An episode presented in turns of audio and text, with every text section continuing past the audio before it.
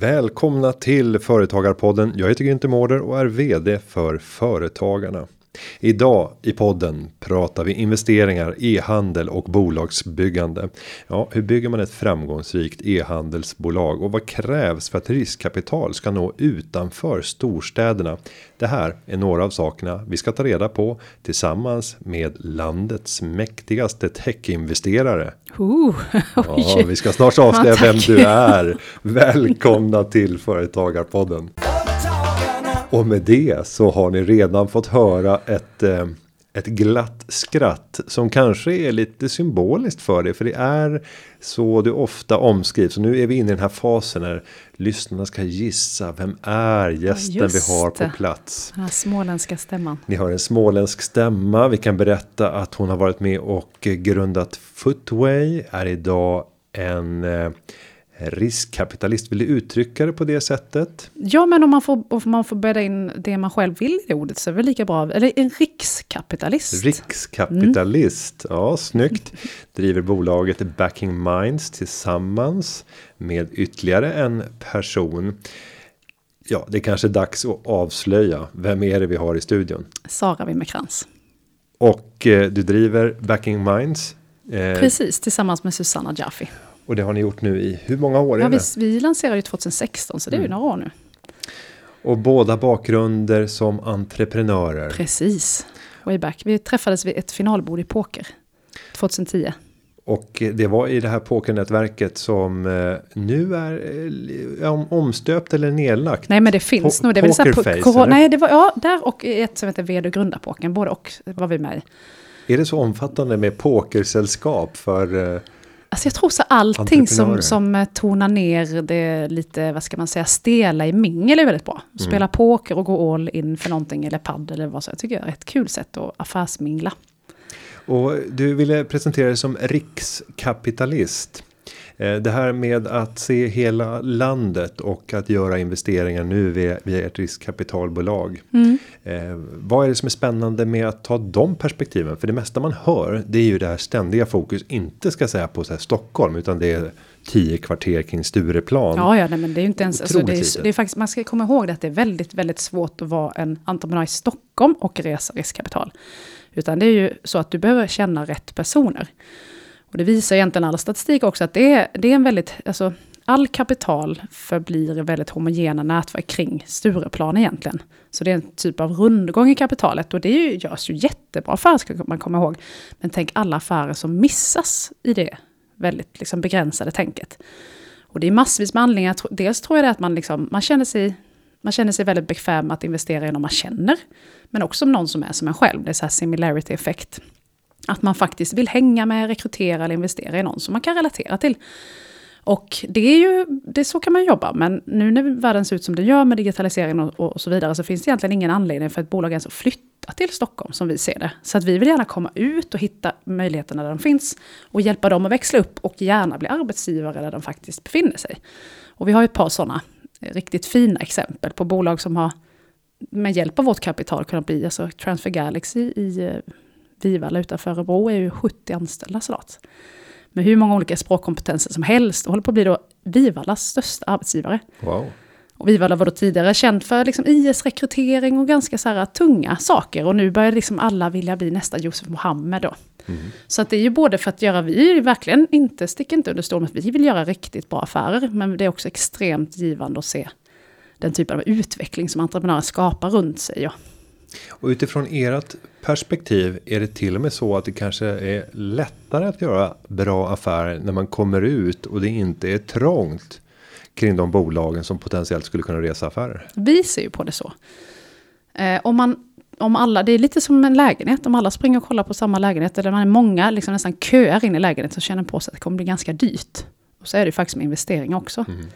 Man vill komma in på en så alltså, attraktiv nivå som möjligt, och sen har vi ju möjlighet att hjälpa bolaget att växla upp och eh, bidra med den andra typen av nätverk som behövs kanske för nästkommande runder och så vidare. För att vi måste ju stå med en fot i det etablerade nätverket och de vad ska man säga, mindre etablerade.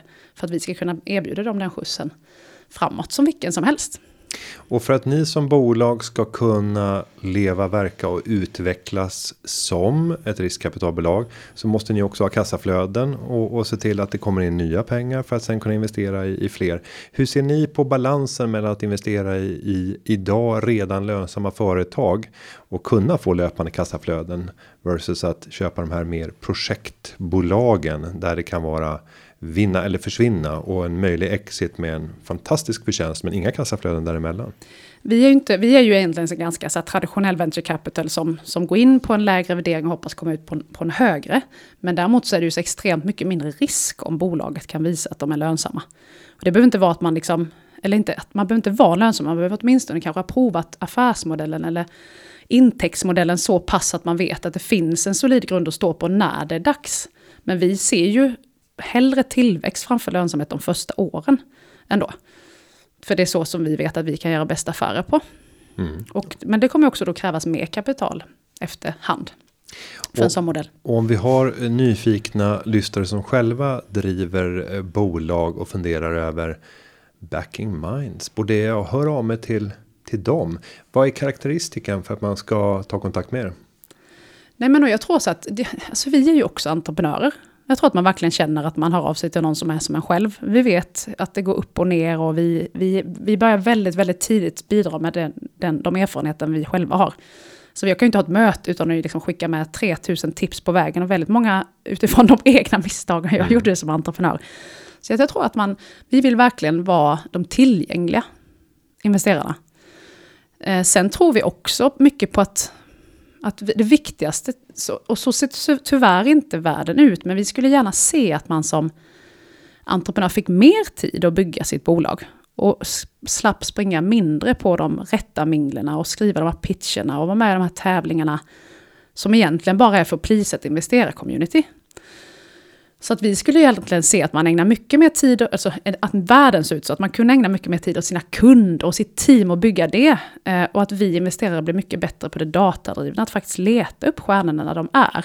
Och våga åka ut i landet och träffa dem. Så att vi är lite så här, vi, vi, alltså pitchkulturen är väldigt, det är ganska, passar ganska få och det säger ganska lite om hur bra du är på som, som entreprenör också. Min erfarenhet säger också att när man kommer ut i landet så träffar man ofta företag som själva inte ens tänker tanken att, att resa kapital. Mm, och att man nästan får övertyga dem om förträffligheten med att göra det för oh. att på så sätt kunna öka tillväxttakten. Hur många sådana typer av möten har det där, där ni får förklara att det finns en så mycket större potential som ni kan gå miste om om ni inte vågar satsa här. Det är så intressant att du säger det för att jag, alltså jag kan till och med nämna svenska städer där det är nästan så här helt uteslutet att söka kapital. Nu ska jag mm. inte säga vilket men det finns liksom där man har så här en så här tradition av vad man många kompisar som faktiskt lyckats göra det här utan och så vidare. Men då är det så att de omsatte kanske, omsatte kanske 100 miljoner på 10 år. Och jag är helt säker på att de bolagen med mer kapital i ryggen skulle kunna omsätta 2 miljarder på, på mm. samma tidsram. Så jag tror att man hör så himla mycket dåligt om riskkapital och man ser inte att det är faktiskt riskkapital som bygger Sverige just nu. Nästan alla våra nya arbetsgivare, alltså klara de här stora techbolagen, det är ju, hade ju aldrig blivit vad det hade blivit utan riskkapital. Så det är verkligen ett sätt att växla upp och bli fort stor. Sen finns det ju, man måste ju ha olika värderingar. Jag kommer själv från Småland, liksom så Ikea-andan, Älmhult. Där det är något he helt andra värderingar som råder. Och där måste vi investerare också bli bättre på att verkligen låta värderingar ta plats. Att som back in minds faktiskt på riktigt, ja, inte tvinga men mer eller mindre bara, jo jag tycker verkligen att du ska vara pappaledig. För du bygger en kultur här nu. Och det här ska du göra under väldigt, väldigt lång tid.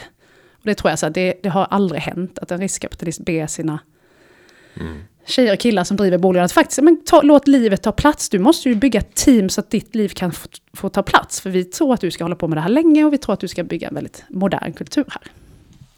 Om vi tittar på just eh, den här kapitalanskaffningsprocessen och, och också vad man som företagare ska vara beredd att servera. Jag brukar alltid säga vad hade hänt om du hade fått X miljoner på ditt konto idag? Vad hade du gjort i bolaget i mm, dagsläget? Mm, mm, mm. Eh, och där brukar jag alltid leta efter svaren för att se. Finns det redan en färdig plan för exakt hur de hade gjort? Ofta så tycker jag att det gör det. Mm, mm. Eh, Men ändå så väljer man att inte gå ut och vare sig fråga banken om det finns möjlighet att låna pengarna eller mm, gå ut och mm. dela med sig av av delägandet. Varför tror att det är en sån kultur och inte minst när vi kommer ut till mindre orter och medelstora svenska städer? Jag tror faktiskt att det är en, att man inte haft tillräckligt mycket kontakt med det och har hört mer om de negativa exemplen. Och man är rädd att man ska, att man ser ju inte att det är ett sätt, alltså det heter ju riskkapital, man tror att det kommer nästan med risk. Mm. Fast i själva verket heter det riskkapital för att man delar risken. Det är någon som är beredd att skjuta till pengar så att din risk i ditt eget projekt minskas.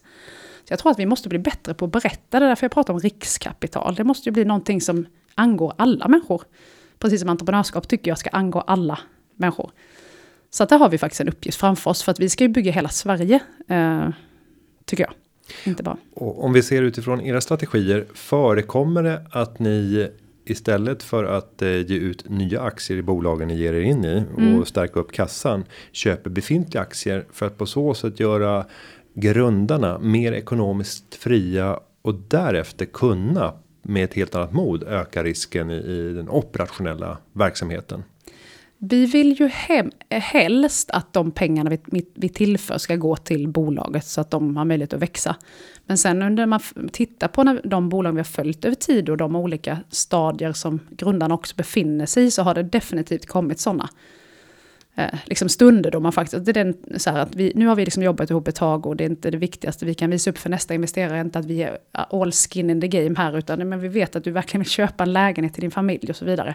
Så att det, den, den är vi inte alls eh, främmande för. Därför är min erfarenhet när man funderar över risktagande. Risk är ju fantastiskt och risk är en grundläggande förutsättning för att kunna få avkastning. Mm. Och har vi grundare som nu är majoritetsägare som känner en eh, oro inför att skruva upp risken, vilket man ofta som extern investerare vill. Det är ju därför jag investerar i bolaget för jag vill få avkastning och då måste vi ta risk.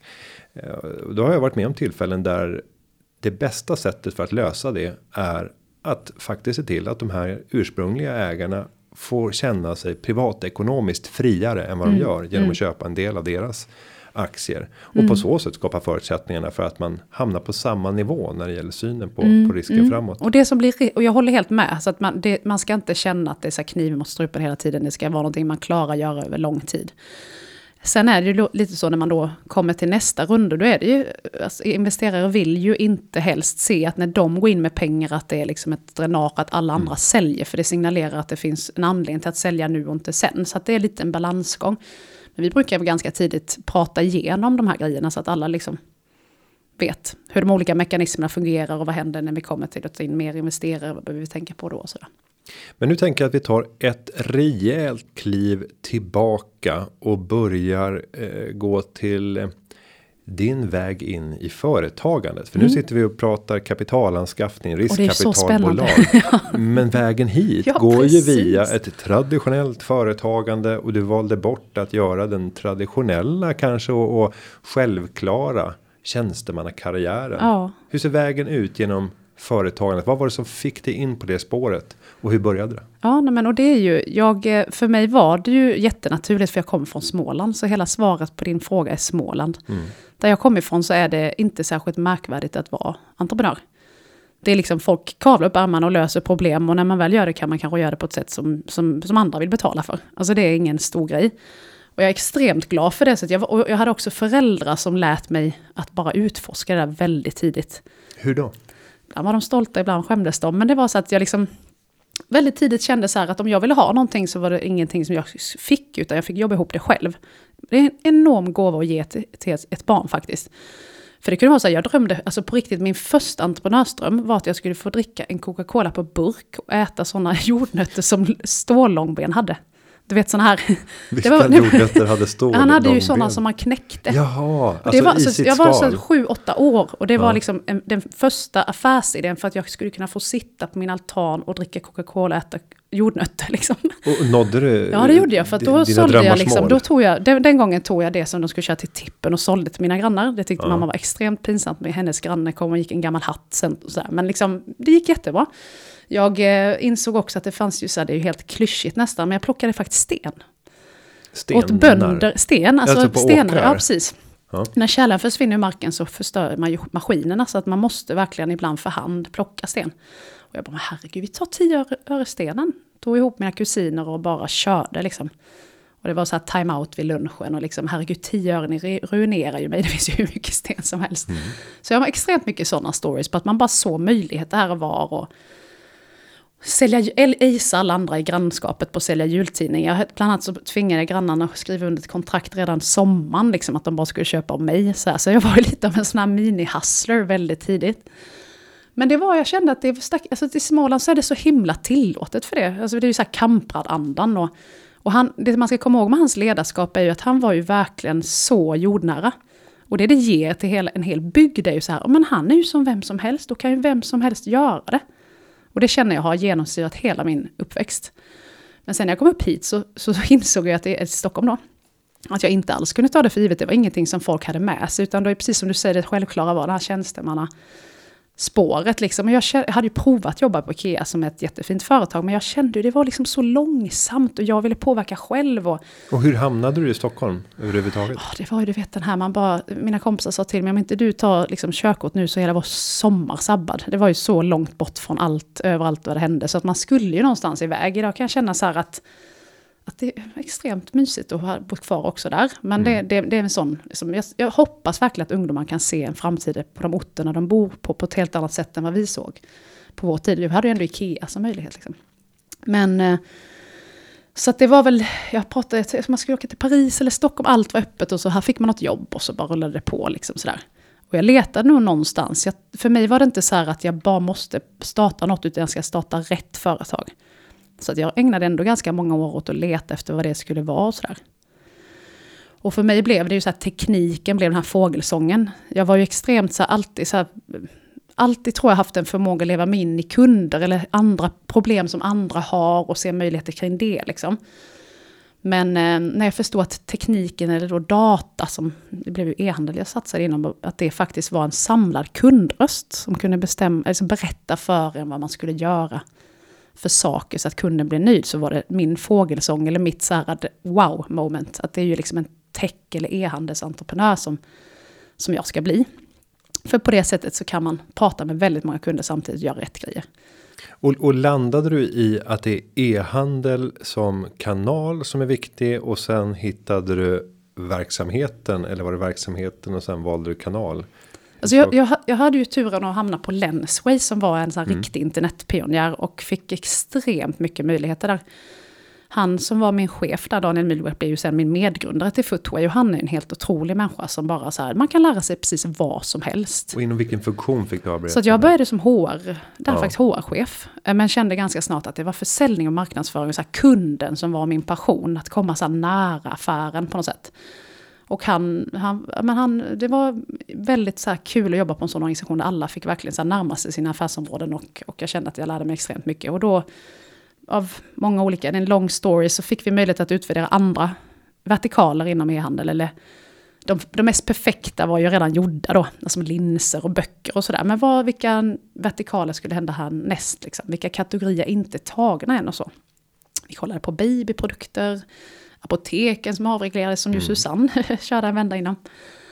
Eh, och så såg vi då Zappos i USA som totalt hade transformerat skomarknaden där. Eh, från så 2% till 25% på bara ett fåtal år. Och dessutom har vi kikat så mycket för vi tyckte att deras kundsyn var så nära vår. Liksom. Så vi kollade och så, så här, men det är egentligen perfekt läge. Här har vi två konkurrenter som har dragit liksom, utbildningen. Det är så här, lite krånglig produkt. Så här. Man vill inte vara själv som drar hela det.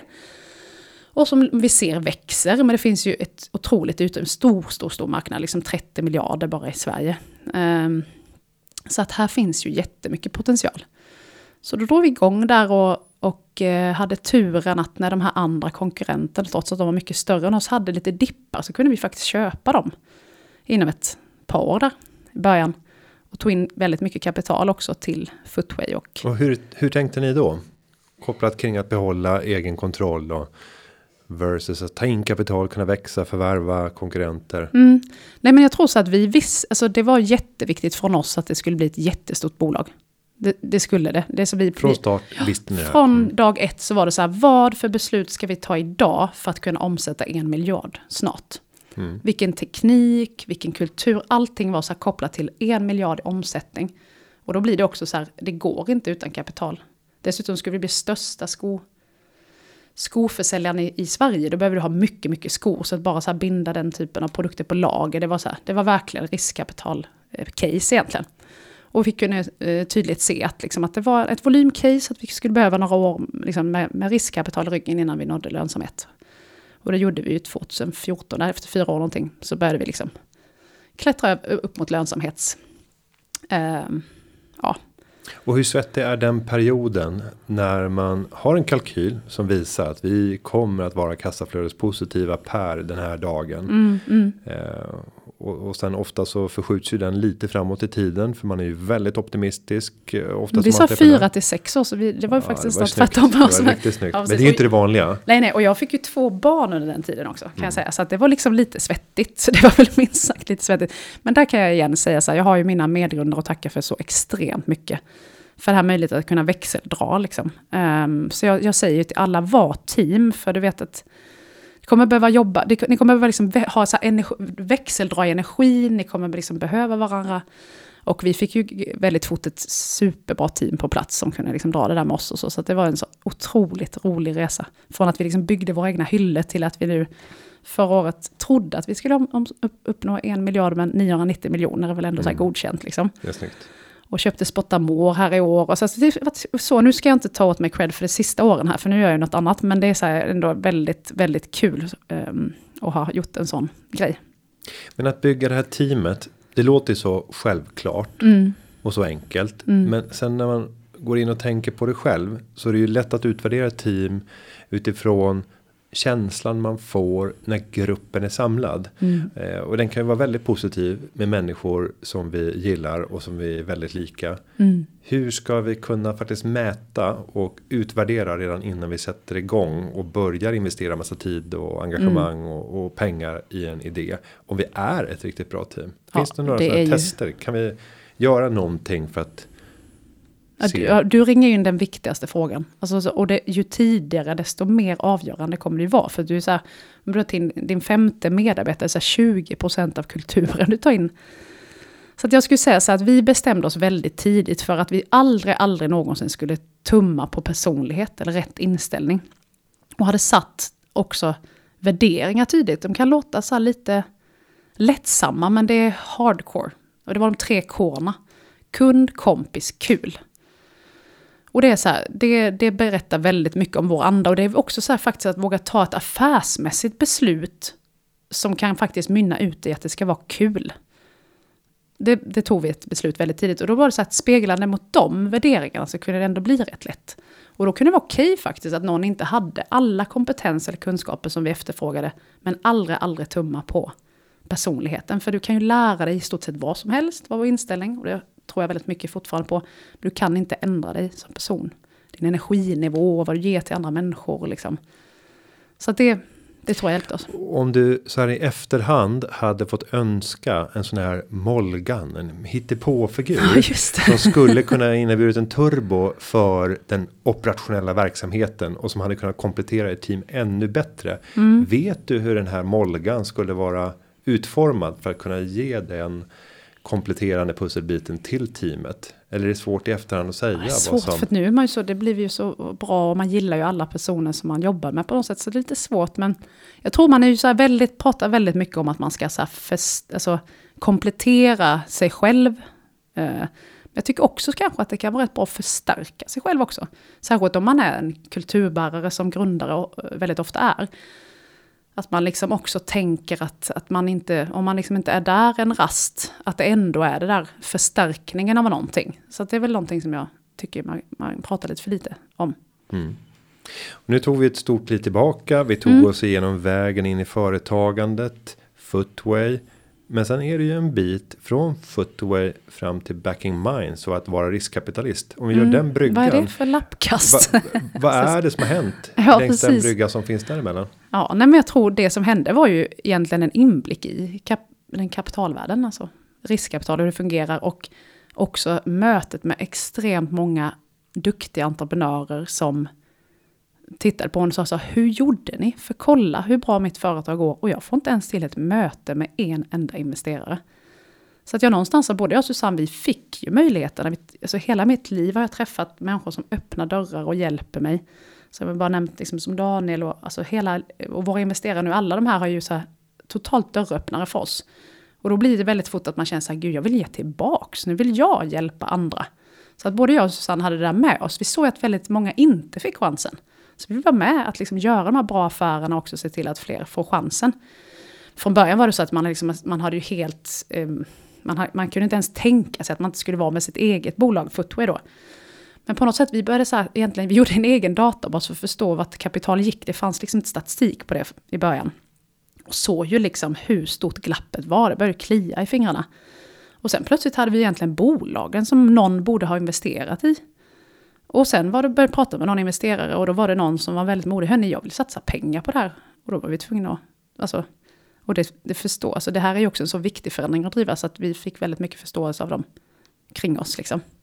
Och annars så tänker jag att det självklara och enkla valet det är ju lite grann att göra som som Per Svärdson har gjort. Han mm. har gjort exit i Adlibris tidigare mm. och sen så mm. väljer han investera allting och gå in med sina operationella färdigheter och starta upp en ny business. Apotea och sen 20 stycken andra e-handlare. Mm.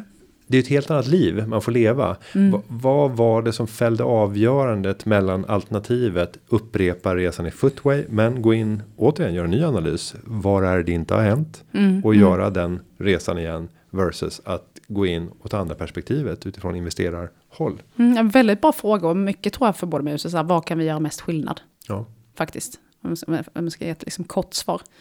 Eh, och jag önskar att fler, jag tycker att så här, investerarbranschen är ganska stängd. Att det blir väldigt så här, om inte du har gjort en egen exit så, så har du inga pengar att investera. Det stänger ut extremt mycket kompetens och andra perspektiv. Så att det, det är liksom, jag tycker att fler bara och det blir så lätt att tänka så här, jag har ju inte jobbat i den branschen innan, men då får man komma ihåg att det är ganska många i branschen som missar extremt många fina möjligheter. Så, så att med, som en outsider så är det väldigt många branscher som faktiskt kan, eh, kan löna sig att gå in i idag, för du har du behöver inte tänka så mycket på vilka tår du inte behöver få trampa på eller regler du... Det är faktiskt en jättefördel. Sen när man pratar med de företagen som vill eh, charma er som sitter från venture capitalbolagen mm. och riskkapitalbolagen så säger många att jag fick ägna otroligt mycket tid åt hela den här processen så allting fick läggas vid sidan av när det mm. gällde att utveckla bolaget. Mm. Eh, och det där är ju en risk. Mm. För det, då riskerar man ju att eh, verkligheten hinner i kappen ett halvår, ett år senare när man ägnat så stor tid åt, åt kapitalanskaffningsprocessen. Mm. Har du några tips på hur kan man se till att inte behöva ägna så enormt mycket tid åt den processen? Vad är misstagen som många gör som gör att det här blir utdragna processer? Mm, jag skulle säga först så brukar jag skulle vända på det lite och det säger så att man också ska rusta för att det tar lång tid. För det är nog inte det vanligaste jag vet, att man har inte ens liksom, man har inte möjlighet att hantera det operativa och det samtidigt, för man har ingen aning om hur, hur mycket det kommer dra in en, så bara liksom flika in det. Jag skulle säga att, så att alltså det är också, det är svårt för det är också så här, inom olika branscher är det olika lätt att resa kapital, men jag tror att det är också väldigt attraktivt för en investerare att du har speed i processen. Att du faktiskt liksom, alltså så att signalerar att, att det finns en deadline och är väldigt tydlig kring det. Um, också mot investerare. För att det är så om du kommer, alltså, så, så, jag skulle säga att, liksom, att också vara väldigt tydlig i hela processen. Och be om svar fort. Att förklara från början att vi vill ha en jättesnabb process för att vi har så mycket operativt att, att liksom stå i. Så de, de mest seriösa och professionella investerarna tar ändå, de, de förstår det och gör, återkopplar ganska fort ändå. Sen är det ju väldigt, har du en, alltså det är tyvärr, jag önskar att det inte var så, det är en gruppmentalitet. Har du en som du kan berätta att du har så kommer det gå mycket fortare. Det är just den här liksom tröskeln att ta sig över. Så att jag har väl egentligen ett bättre tips att ge än det. Att räkna med att det tar mycket tid och sen förklara också processen tydligt så att de vet vad de har att förhålla sig till. Investerarna. Sen vill man ju åstadkomma den här lägenhetsvisningen som du talade om tidigare. Ja, där det blir trångt i trappuppgången. Ja. Hur gör man det som företagare så att andra som tittar på bolaget förstår att också snabba upp sin egen process. Mm, för att du mm. vet att om jag inte agerar fort här så kan det här glida mig ur händerna. Mm. Ja men och den är ju en sån psykologisk effekt som är väldigt viktig. Jag skulle säga att man ofta söker kapital lite sent. Alltså det är ju extremt mycket mer attraktivt. Jag har egentligen cash. Så att, så att jag sitter inte i båten. Att, mm. att slippa behöva vara desperat i den typen av förhandlingar är verkligen en ynnest. Så börja mycket tidigare än vad du har tänkt. Gör det när du har lite kassa och när det går skitbra. Så att du egentligen kan bara prata med investerarna om hur, hur bra det går. Och skapa lite av en sån här FOMO. Jag vet inte om jag ska säga det här nu, ge massa tips. Mm. nej, ja, det är klart jag ska. Ja, nej men så det är väl så här, jag tror det, sök lite tidigare och visa hur bra det går. Och redan när du har cash, du slipper liksom sitta med skägget i, ja, eller vad det är för liknelse jag letar efter. Nej, och jag, och jag sitter och tänker en säljstrategi som jag hade när jag skulle sälja en ganska annorlunda bil. Det var en helt ombyggd Pontiac Fiero som det var en Ferrari 308 uh. kaross påbyggd, så en kit car eller en replika. Och det är omöjligt att prissätta en sån där. För det har ju tagit mm. 2000 timmar att bygga om den. Mm. Och det kommer aldrig motsvaras av värdet när du kan sälja den. Men jag prövade att gå ut och lägga ett väldigt lågt pris på den. Och mm. sa att här är utgångspriset. Mm. Och sen så bjöd jag in till provkörningar. Och då bokade jag in alla samtidigt. Mm. Så att det skulle vara 10-15 sällskap som kom på precis samma tillfälle. Och fick stå mm. på kö för att få köra den. Och jag tänker om man tillämpar samma metodik i företagsvärlden så mm. är det ju att här, vara ute och fiska och säga att vi kan vara på gång att mm, släppa in mm. ytterligare. Precis och sen när man har fått ihop tio stycken kunna säga att vi har nu bokat en, ett stort konferensrum i mm. Stockholm eller var de här finns. Eh, det här är tiden som gäller, ni är varmt välkomna, vässa mm. alla frågor för sen mm. kommer det gå ganska fort efter det här. För den känslan när man sitter i det där rummet och ser tio andra som man kanske känner igen några stycken av dem. Jo men jag tror också lite så att en av de här Stockholmsfenomenen som föregår är ju de här extremt höga värderingarna. Mm. Alltså vi kan ju ibland sitta, vi kan sitta i Skövde och prata helt sansat med en entreprenör om liksom faktiska siffror för företaget och komma tillsammans fram till en värdering som är rimlig för alla parter. Men här kan det vara så här, hör du jag har en powerpoint, vill du investera till värdering 60 millar? Alltså det är ju så här, det finns ju att, att man börjar sticka ut hakan så mycket och sen behöver gå tillbaks och förklara att inte någon vill gå in på den värderingen. Jag skulle säga så att ibland är det för, man är för mån om att inte spädas ut. När det är bättre, precis som du säger, det skulle kunna bara, du, du berättade så himla bra med bilen där. Sätt en prispunkt där folk tycker det är attraktivt så de fort går in så kan du göra det på mycket kortare tid. Mm. Så att det är liksom, det, hitta den psykologiska, liksom, du ska ju inte ge bort för mycket av ditt bolag, men du ska inte heller, du ska förstå att det tar av värde av ditt bolag om du behöver lägga för mycket tid på kapitalresning om och om igen. Så att det är liksom en balansgång. Och det där kan man ju säga när man gör emissioner på börsen så är det ju ganska vanligt att man eh, går ut i en kapitalresning meddelar 17.30 när börsen stänger mm. och sen så gör man vad man kallar ett accelererat eh, auktionsförfarande mm. där man ringer runt till en lista som är väl förberedd mm. så du vet vilka 40 stycken personer du ska ringa mm. och sen så börjar det skapa en prissättning mm. eh, och många gånger så kan man ju klara en sån nyemission till en väsentligt lägre rabatt än om man skulle gå ut i en offentlig öppen då mm. eh, nyemission där man hade ett förfarande som sträckte sig över kanske två, tre månaders tid mm. för att man först ska fatta ett beslut och sen på en årsstämma eller extra bolagsstämma och sen kommunicera ut det till marknaden. Mm. Folk blir livrädda. Nu kommer det bli stor rabatt på de här aktierna. Mm. Eh, och den där tekniken som många bolag använder när man gör den typen av mm. riktade emissioner. Den kan man nog lära sig rätt mycket av som som bolag. Men då gäller det att man har den här telefonboken. Ja, men precis. Och se till att bygga upp det där kontaktnätet. Och det tar ju tid. Ja, ja, gud ja. Och det är ju så här, och det är ju också så här, där, där, är det ju inte riktigt jämlikt i Sverige. Det är ju såklart mycket, mycket troligare att du, när du gått på handel, så att du redan har den typen av warm intros åtminstone som du kan få. Så att vi, jag, jag slår ett slag igen för att investerare också behöver vara liksom uppsökande. Att faktiskt, man kan ju så här, man kan nästan sitta på, vi gör det väldigt mycket. Vi har ju dealflow, nu, nu pratar jag sådana termer, liksom, men det är egentligen att bolag hör av sig till oss. Att, att, och det tror jag att de gör.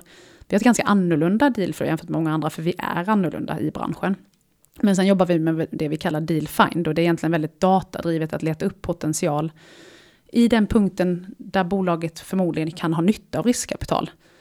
Så att det tror jag så att jag hoppas att det gör så att de bolag som faktiskt är i den punkten oftare blir kontaktare. Och inte, alltså, vore det inte fantastiskt om vi vände på det? Att vi ska, investerarna ska gå med mössan i hand. Mm.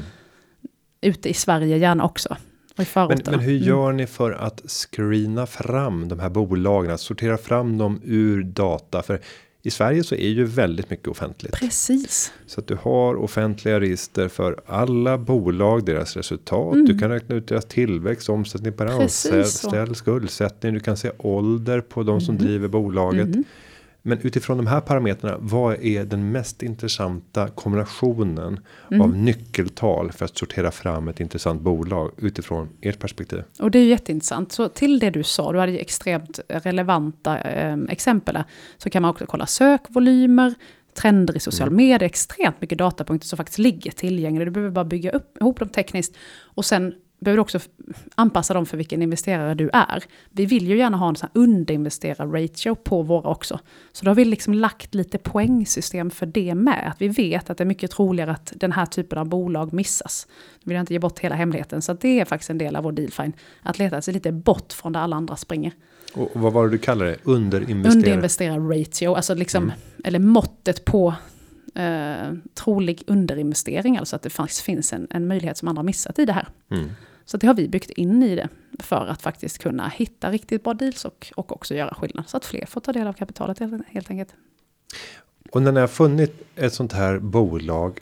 Hur gör ni, er bäst, gör ni det bäst för att närma sig den här mm. personen. För de har ingen aning om att jaha, nu har vi fastnat i ert nät här. Nej, nej precis. Eh, det, och sen ska man ta med första kontakten. Ja. ja. men vad gör man? Nej, men så jag kan berätta om Transfer Galaxy då som hade gett upp alla chanser på Nej, men det är ingen som kommer vilja investera i oss. De hade liksom kontaktat 120 investerare tror jag och alla sa nej till ett möte. Så här, ska vi sälja någons bil? Och, satt, och då var det liksom, då hade vi också stött på dem någon gång tidigare och inte riktigt förstått vad de gjorde. Så att vi, hade liksom, vi var lite på radarn för varandra, men då var det ändå lite som ett cold call. Liksom. Och de trodde det var ett prank. Så alltså, de trodde på riktigt att vi... Så det kan ju inte hända liksom. Så det är lite, man är verkligen inte van vid den typen av eh, maktskifte, eller vad man ska säga. Det är ju otroligt häftigt att vara en en uppvaktad entreprenör. Och sen tänker jag på affärer. Så här, mm. Vilka vill vi göra affärer med? Jo, människor vi gillar. Mm. Och att vi lägger kanske lite för lite tid på att bygga upp förutsättningar som gör att vi faktiskt kan börja gilla varandra. Mm. mm. Eh, för väldigt mycket handlar ju om det sociala först. För att mm. se till att ja, men, jag litar på dig. Mm. Jag känner en mm. hög grad av tillit. Vi har roligt tillsammans. Okej, mm. grundpelarna för att vi ska kunna göra någonting roligt tillsammans mm. också. Mm. Eh, rent professionellt. Innan man går in på det här hårdpitchandet och, mm, och mm. eller från investerarens sida, för, eh, investerarens sida försöka bäsa förväntningarna kring pris. Min dröm är ju att, att det inte ens knappt blir någon diskussion kring pris för att vi har pratat så mycket kring andra delar och hur man ser på värdering och sen i mm, slutändan så faller det sig helt naturligt att vi har lärt känna varandra på ett sånt sätt att vi landar här väl. Men en sån process tar ju ofta Ja, väldigt och det, lång tid. Och det är, för, ska, ska jag ärligt talat säga, det, det är ju liksom, processen för att undersöka ett bolag. Så att vi pratar mm. som, som alla due diligence, så att alla förstår vad vi pratar om. Men det är ju en, verkligen en del av det är ju så här, möjligheten till samarbete, att vi ska kunna jobba tillsammans under lång tid. Har vi liknande mål och värderingar kommer vi kunna jobba ihop. Liksom. Eh, sen så, så tror jag att vi måste i investerarvärlden utöka vad som är likeable. För att det blir så himla lätt att man ser sig, ja, men honom kan jag väl sitta i bastun med eller ta en bira med. Så det är så här, vi måste ju också kunna jobba med människor med skilt, helt andra bakgrunder för de också kommer kunna ge oss affärer som vi alla skulle kunna bygga själva. Så där tror jag att det finns en liksom risk att man i det sociala ser fel saker. Mm. Um, hur, hur kan man komma förbi det då? Jag tror att det är så att vi, har ju, vi är väldigt kundfokuserade fortfarande. Det är så man bygger, som vi har byggt våra e-handelsverksamheter, det är kund i allt. Men också nu så titta på stora målgrupper, vad de mm, behov och, och, och eh, möjligheter där. Liksom, stora problem som stora grupper kunder upplever och så närmar vi oss ofta potentialen så. Och då kunde man, som vi ska fortsätta med Transfer liksom, som exempel, där folk är extremt missnöjda med att skicka hem pengar. Så det var så vi hittade dem. Vi kollade på målgruppen invandrare. Och istället för som invandrare då, konsumenter, vad har de för mönster och behov och problem och så. Så hittade vi Transfer Galaxy så. Dynamic Code är ett annat så hälsobolag som egentligen som löser pusselbiten i den digitala vården och diagnostiken. Och där tittade vi på hela den här nya vårdmöjligheter, liksom, människans behov av kontroll över den egna hälsan. Eh, behovet av tillgänglighet med bibehållen kvalitet och kostnader som var en så helt omöjlig ekvation, men där vi satt och, och verkligen djupdök i den för att hitta potentialen. Och så, så det finns ju en jätteviktig pusselbit som saknas här, och det är diagnostiken. Vilka bolag kan med trovärdighet göra det? Så hittar man Dynamic Code. Så jag tror så att, att det ska ju väldigt mycket, så det, Anne då som har grundat Dynamic Code, vi behöver inte spela tennis ihop, men vi ska kunna jobba ihop och vi ska kunna göra, liksom, driva en förändring i hennes bransch och hjälpa henne på det sättet som hon behöver. Så jag tror ju mycket på det här att faktiskt liksom brand, alltså, potenti potentialen får ge entreprenören snarare än att eh, honom eller henne vill jag hänga med. Gör hon något, är du med på skillnaden? Mm. Sen, sen, tänker jag på en annan fråga som dyker upp. Och jag ska bara säga så här, ja. Dynamic Code, de säljer då egentligen um, mycket hemtester. Alltså egentligen DNA-teknologi där du, där du undersöker virus och svampar och bakterier eh, hemma och eh, kopplas upp mot en plattform där du får ta del av både digital vårdgivare och e-recept och så vidare. Men sänder testresultaten till ett labb? Precis, mm. så att du tar testet hemma och du, Dynamic Code står för eget labb men också teknik för andra labb. Så det är en otroligt skalbar modell. Och så får du då liksom svar i ditt eget hem och den typen av vård som behövs beroende på vad du har för diagnos. Och de är då ett av världens första bolag som tog fram ett covid-19 CE-märkt test mm. för själv testning här i sommar. Så de har ju verkligen man kan tänka sig att det flugit då. Ja, extremt bra. Mm. Eh, ibland när man möter på investerarteam så kommer ju en extra rad med när de kommer med sitt förslag till eh, att investera i bolaget och det är en typ av eh, avgift för att betala till de som ska leda investeringsteamet som nu ska gå in och inte sällan så mm. dyker det här upp när man jobbar med eh, tjänstemän som är och förvaltar ett, ett kapital där det inte finns en huvudägare som finns du kvar. Du tänker så här på corporate finance och så eller? Ja, jag, jag har stött på det i flera fall där det mhm. är tjänstemän som inte själv är delägare mm. i ett familjekapital där grundaren inte finns kvar utan det är ett väldigt opersonligt institutionellt mm. ägande och sen kommer en management fee mm, in mm, i investeringen mm. för att de ska kunna sätta en resurs att kunna hjälpa ledningen mm. att utvecklas och inte sällan så handlar det här om flera hundratusen mm. kronor per år mm. eh, medan man med en annan investerare då ser att jag kommer få precis samma sak för de kommer ha samma engagemang för att det är de själva som äger kapitalet som investeras i. Men du eh, låter som att du inte har stött på det så många Nej, gånger. jo, men jag har stött på det. Men jag kan helt ärligt talat säga så. Om du nu ska jobba med investeringar så mm. kan du börja fråga dig själv så här. Hur ska jag tillföra så mycket värde så att jag kan få en avkastning på mitt kapital? Det är inte att tillföra den typen av värde som ökar dina möjligheter för avkastning.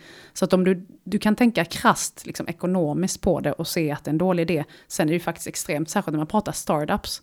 Att du ska gå in och så här, fakturera dem för någonting med deras ofta väldigt skrala budget som du dessutom kräver ofta att den ska inte vara för tilltagen på fel saker och så vidare. Så att jag, jo, jag stöter på en hel del investerare som kör med management fees.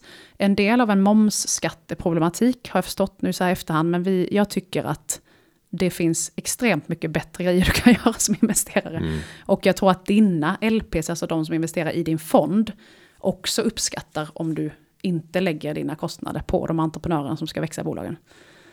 Så att jag tycker väl sådär då, om jag har förstått det mm. du sa. Rätt. Mm. Ja, så ett varningens finger för den typen av... Ja, jag skulle säga liksom, hur ska, jag tror bara att bara, man ska förstå att väldigt mycket investerare jobbar på ett sätt som inte hjälper entreprenörer. Eh, så att börja vara något annoying capital, alltså faktiskt se till, och sen så hur kan du vara värdegivande kapital med den kompetens och erfarenhet du har. Eh, och då, då tycker jag att det blir rätt tydligt vad man ska och inte ska göra faktiskt. Mm.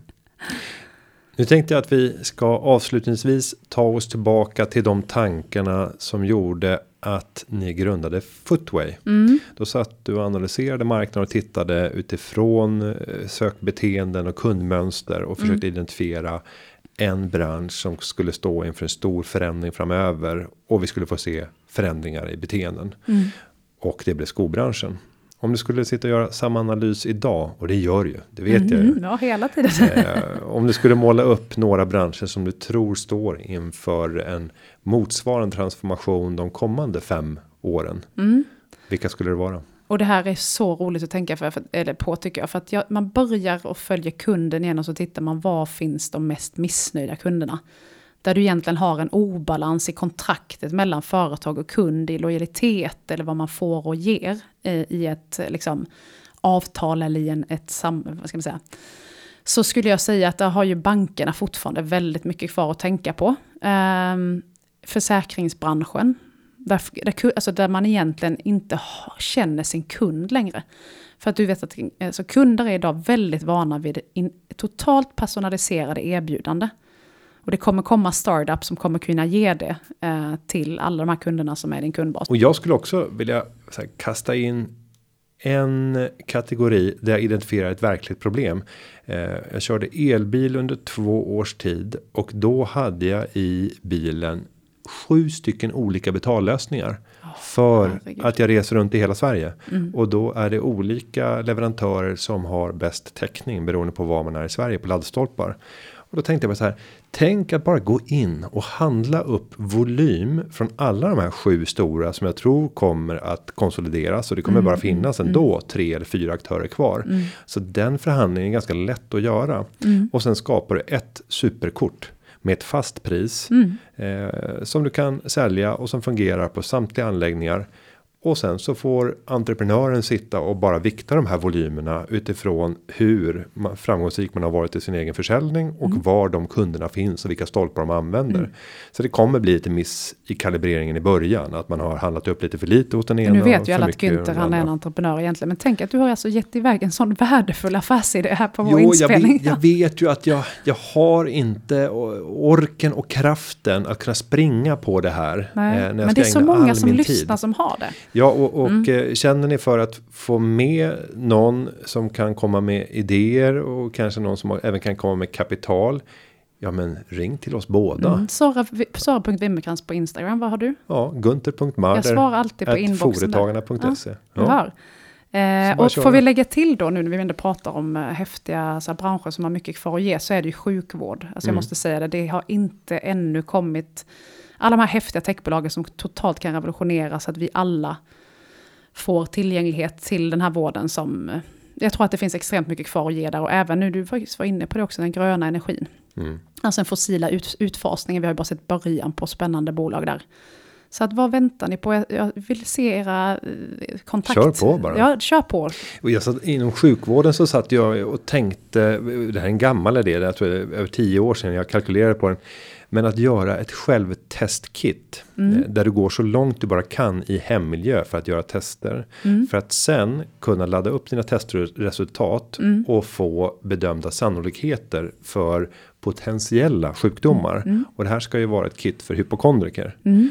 Eh, du menar att du ska tjäna pengar på hypokondriker? Ja, men, ja, men de vill ju ha diagnoser ja, gud, och de vill ha sannolikheter för eh, de olika signaler som kroppen sänder ifrån. Och här skulle vi faktiskt kunna göra en stor skillnad när en läkare faktiskt kan titta på de här resultaten. Mm. En hypokondriker kommer ju på daglig basis att göra alla tester som går. Ja. Och får du se de dataserierna så kommer läkare på direkt säga det här är fullt normalt. Ja. Eh, och förhoppningsvis kunna stänga jag, dörren. Jag tror faktiskt att det finns en ännu större samhällsnytta det mm. du pratar om. För jag tror att den preventiva vården är en av de stora områdena som vi kommer se nu. För det kommer vara en jättekostnadsbesparing i att att faktiskt både den preventiva vården men också den här lite mer inriktade rekommendationerna. För att alltså, vi, har ju, vi är ju helt så här medicinberoende här nu. Om du i ett väldigt tidigt stadie kan få reda på vilka sjukdomar du riskerar att få så kan du också ordinera ja. livsstils... Så att jag, tror att, jag tror jättemycket på det och att samhället har extremt mycket att vinna, inte bara hypokondrier. Nej, och, och, och tänk alla tidiga identifikationer man kommer göra av avvikelser. Precis. För många upptäcker ju inte att det är något fel förrän det har gått ganska långt. För kroppen vänjer sig ju. Mm. Du vänjer vid att konditionen successivt blir sämre Precis. eller syreupptagningsförmågan försämras. Det har ju många vittnat om under covidperioden att mm. det har varit många unga som har varit riktigt illa däran. Mm. Men de har inte ens märkt det. Nej. Och sen när du ser på lungkapaciteten så där, men du är nere på 5-10% ja, av vad du ska ha. Du hade omedelbart kunnat mäta det om du hade ett självtest. Verkligen. Där du mätte vitalkapaciteten. Och det finns ju extremt mycket häftiga sådana liksom, möjligheter att testa sig själv. Men sen behöver det kopplas ihop med så att man får liksom en, en stringens genom livet. Så att, för då säger det som allra mest, det är precis som du säger, att du har ju olika kapacitet i grunden. Så att behöver, mm. Spännande. Ja, vi hade kunnat fortsätta. Ska vi starta bara, en podd som heter Affärsidéerna? Ja, men kanske. Ja. Och bara mata på. ja. eh, eller så får du helt enkelt bara komma tillbaka. Och sen kör vi så här affärsidé special. Och oh, bara kastar ut idéer. Och sen får vi se vilka som fångar upp det. Eller vilka som kanske redan har satt igång. För så är det ju ofta. Ja, precis. Det är ju alltid någon som smartare än en själv. Det kan vara bra att bara flagga och säga att vi finns här. Verkligen. Eh, så jag, jag säger inte hej då, utan jag, jag säger Sara, vi ses igen. Stort tack för att du tack kom till Företagarpodden. Tack själv, jättekul. Och med det så ska jag ju säga att vill man ha mer inspiration till sitt företagande, gå in på företagarna.se. Det finns mängder av inspirerande artiklar och vi lanserade förra veckan 103 listan. Ja, vilket är 103 unga idéer. Grymma. Och många av dem är ju i jättetidigt skede mm. Eh, och några har kommit ganska långt. Men det där är en eh, källa för inspiration mm, om man vill fundera. på vår framtid. Det var jättespännande. Ja, vad roligt att höra.